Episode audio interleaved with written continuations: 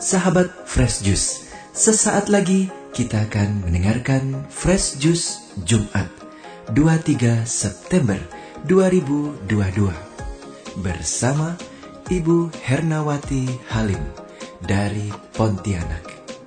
Selamat mendengarkan.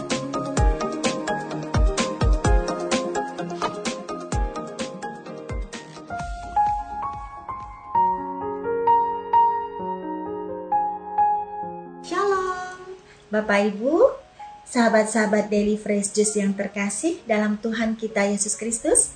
Puji Tuhan, kita semua masih boleh tetap berada dalam keadaan yang sehat, penuh kasih, damai, bahagia, dan sejahtera. Salam kenal, saya Christine Fabiola Hernawati Halim, cukup sapa saya dengan Herna. Saya berasal dari lingkungan Santo Padre Pio, Paroki Santo Yosef Katedral, Keuskupan Agung Pontianak. Berjumpa di dalam renungan Daily Fresh Juice yang bersumber dari kitab suci hari ini tanggal 23 September 2022. Diambil dari Injil suci menurut Santo Lukas bab 9 ayat 18 sampai 22. Pada suatu ketika, Yesus sedang berdoa seorang diri. Maka datanglah murid-muridnya kepadanya.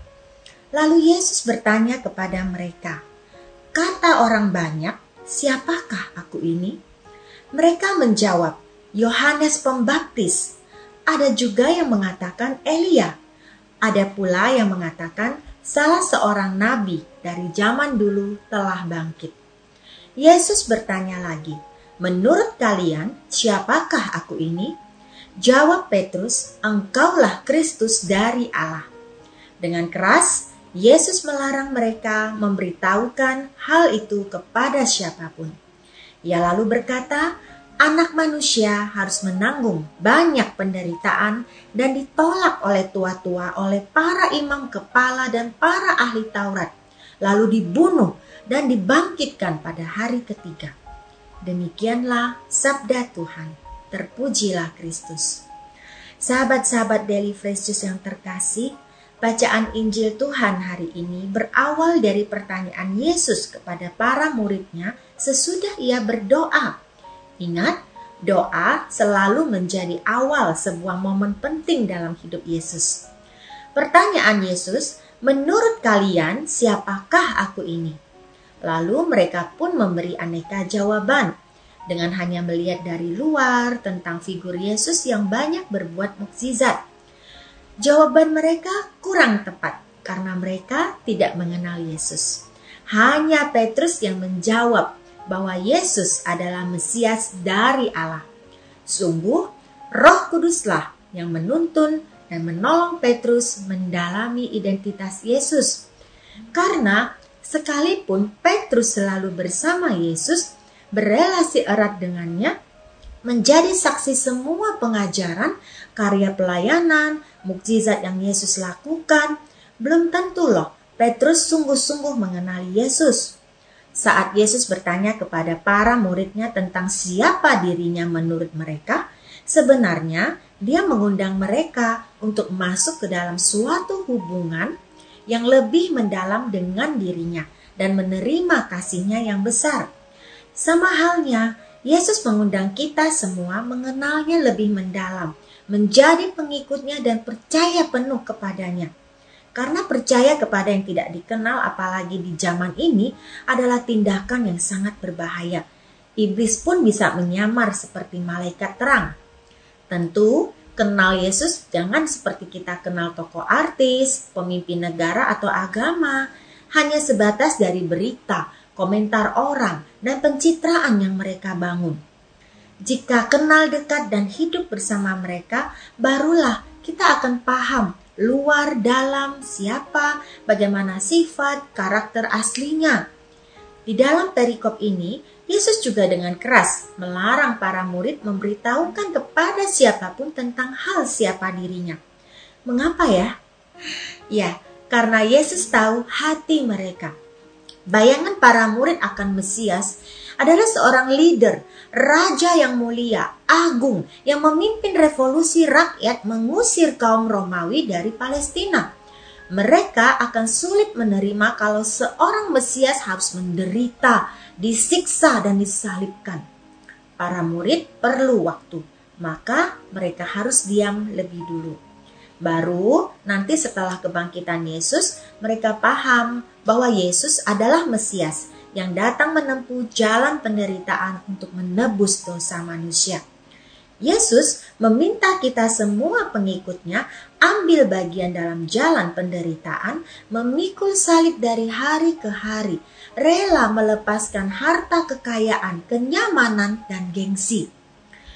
Sahabat-sahabat dari Juice yang terkasih, perjalanan hubungan pribadi kita dengan Allah dapat digambarkan seperti hubungan sepasang suami istri yang tentu berawal dari saling kenal luarnya saja, pacaran, kemudian berlanjut mendalam hingga jenjang pernikahan. Jelas, ini proses yang perlu waktu. Nah, demikian halnya kita tidak dapat kenal dan akrab dengan Tuhan dalam waktu satu hari, tapi perlu dibangun setiap hari. Bayangkan jika kita fokus bekerja dari hari Senin sampai Jumat, Lalu hari Sabtu sampai Minggu baru punya waktu untuk kenal Tuhan. Itu adalah hubungan yang sangat rapuh. Seseorang yang mencintai akan berusaha memiliki hubungan yang akrab, dekat, dan melekat. Untuk itu, mari kita coba lakukan langkah-langkah konkret ini untuk semakin mengenali Tuhan Yesus. Langkah pertama, kita mendekat kepada Tuhan Yesus melalui doa bercakap-cakap dengannya secara tulus, terbuka, teratur, disiplin, sehingga doa itu menjadi nafas hidup kita. Seperti halnya Yesus yang selalu membagi waktu secara baik, membangun hubungan akrabnya dengan Bapaknya melalui doa. Hari-hari ini, apa yang menjadi isi dari doa kita? Permintaan untuk sehat, kaya, sembuh dari sakit, hidup lancar, sukses, mendapat ini dan itu? Ya, tidak salah jika kita memohon semua itu, tapi jangan semata-mata untuk kepentingan diri. Namun, terlebih utama kita mohon tuntunan terang Roh Kudus yang lemah lembut untuk memenuhi hati kita dengan rasa kagum dan penuh syukur dan mengajar kita tentang siapa Yesus sesungguhnya sehingga kita pun dapat hidup dengan benar pula bagi dia. Kedua, jangan hanya dengar kata orang tentang Yesus, namun bergerak aktif, kenali, dan siapa Yesus. Akrab belum tentu cinta kan? Namun dengan mencintai seseorang kita pasti berusaha akrab dengannya.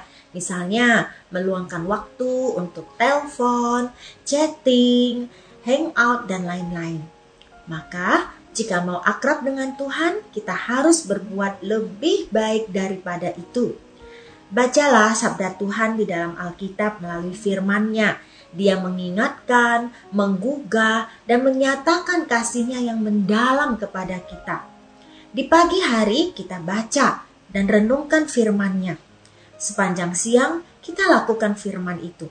Lalu malam hari kita refleksikan kembali dengan doa olah batin atau eksamen seperti yang dilakukan oleh Bapak Paus Fransiskus dengan cara 3, 2, 1 yaitu tiga hal yang kita syukuri, dua hal yang kita sesali, dan satu hal atau niat baik yang ingin kita lakukan esok hari. Jangan kita sekedar paham, tapi terutama jadilah pelaku firman yang aktif dan taat. Quotes dari Santo Ignatius Loyola mengatakan, tidaklah sulit bagi kita untuk taat bila kita mengasihi orang yang kita taati. Ingat, iman tanpa perbuatan pada hakikatnya adalah mati. Nah, saat kita beribadah di dalam sakramen Ekaristi, sambutlah tubuh dan darah Yesus sepenuh hati dengan iman yang teguh Bila kita sungguh buka hati, pasti timbul suatu rasa haus yang semakin mendalam dan bernyala-nyala untuk semakin mengenal pribadi Tuhan Yesus. Ketiga, libatkanlah Yesus selalu dalam kehidupan kita dan alami sendiri kehadirannya. Dalam Mazmur bab 51 ayat 13, Daud berseru, Janganlah membuang aku dari hadapanmu, janganlah mengambil rohmu yang kudus daripadaku. Daud sangat sadar arti kehadiran Tuhan dalam hidupnya. Tanpa penyertaan Tuhan, apa pun yang dilakukan sia-sia belaka. Kita yakini semua pengalaman hidup yang terjadi dalam hidup kita selama ini bukan karena kebetulan tapi sudah Tuhan rencanakan. Dalam suka maupun duka, Tuhan selalu hadir.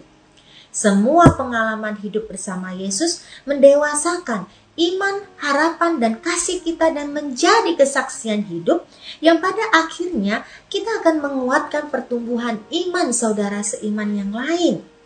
Kita percaya saat kita kehilangan apa pun di dunia ini, namun selama kita memiliki Tuhan, kita punya segalanya. Solo Dios basta. Sahabat-sahabat Daily Fresh Juice yang terkasih, pengenalan Yesus akan Yesus selalu memberikan hasil hidup yang baik dan berbuah. Semakin kita mengenal dan mengerti ajaran dan sifat-sifatnya, semakin kita mencintai Yesus. Dan semakin kita mencintainya, semakin kuat pula komitmen kita untuk melayaninya.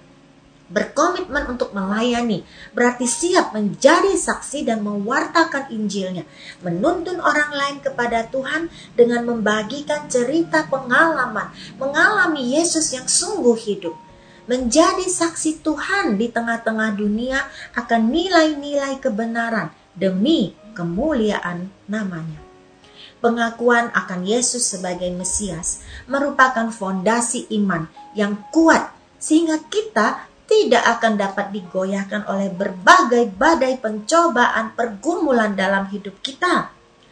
Adalah suatu rahmat besar bagi kita jika Yesus memanggil dan memilih kita dan kita menjawab. Inilah hal yang paling indah dan berharga dalam hidup setiap orang beriman seperti teladan Bunda Maria yang merupakan murid Yesus yang pertama dan utama. Bunda Maria mengenali putranya, belajar darinya, menyerahkan kehendak bebasnya kepada Allah dengan kerelaan dan ketaatan yang penuh. Mari kita juga teladani Bunda Maria, Bunda penolong abadi kita. Kita tutup renungan ini dengan berdoa bersama.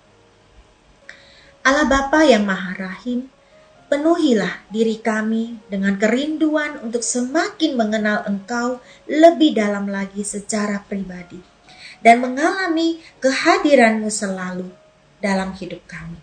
Amin. Roh Kudus memampukan kita semua dalam berkarya. Tuhan Yesus memberkati. Sahabat Fresh Juice, kita baru saja mendengarkan Fresh Juice Jumat 23 September 2022. Terima kasih kepada Ibu Hernawati Halim untuk renungannya pada hari ini. Sampai berjumpa kembali dalam Fresh Juice edisi selanjutnya. Jaga kesehatan dan salam Fresh Juice.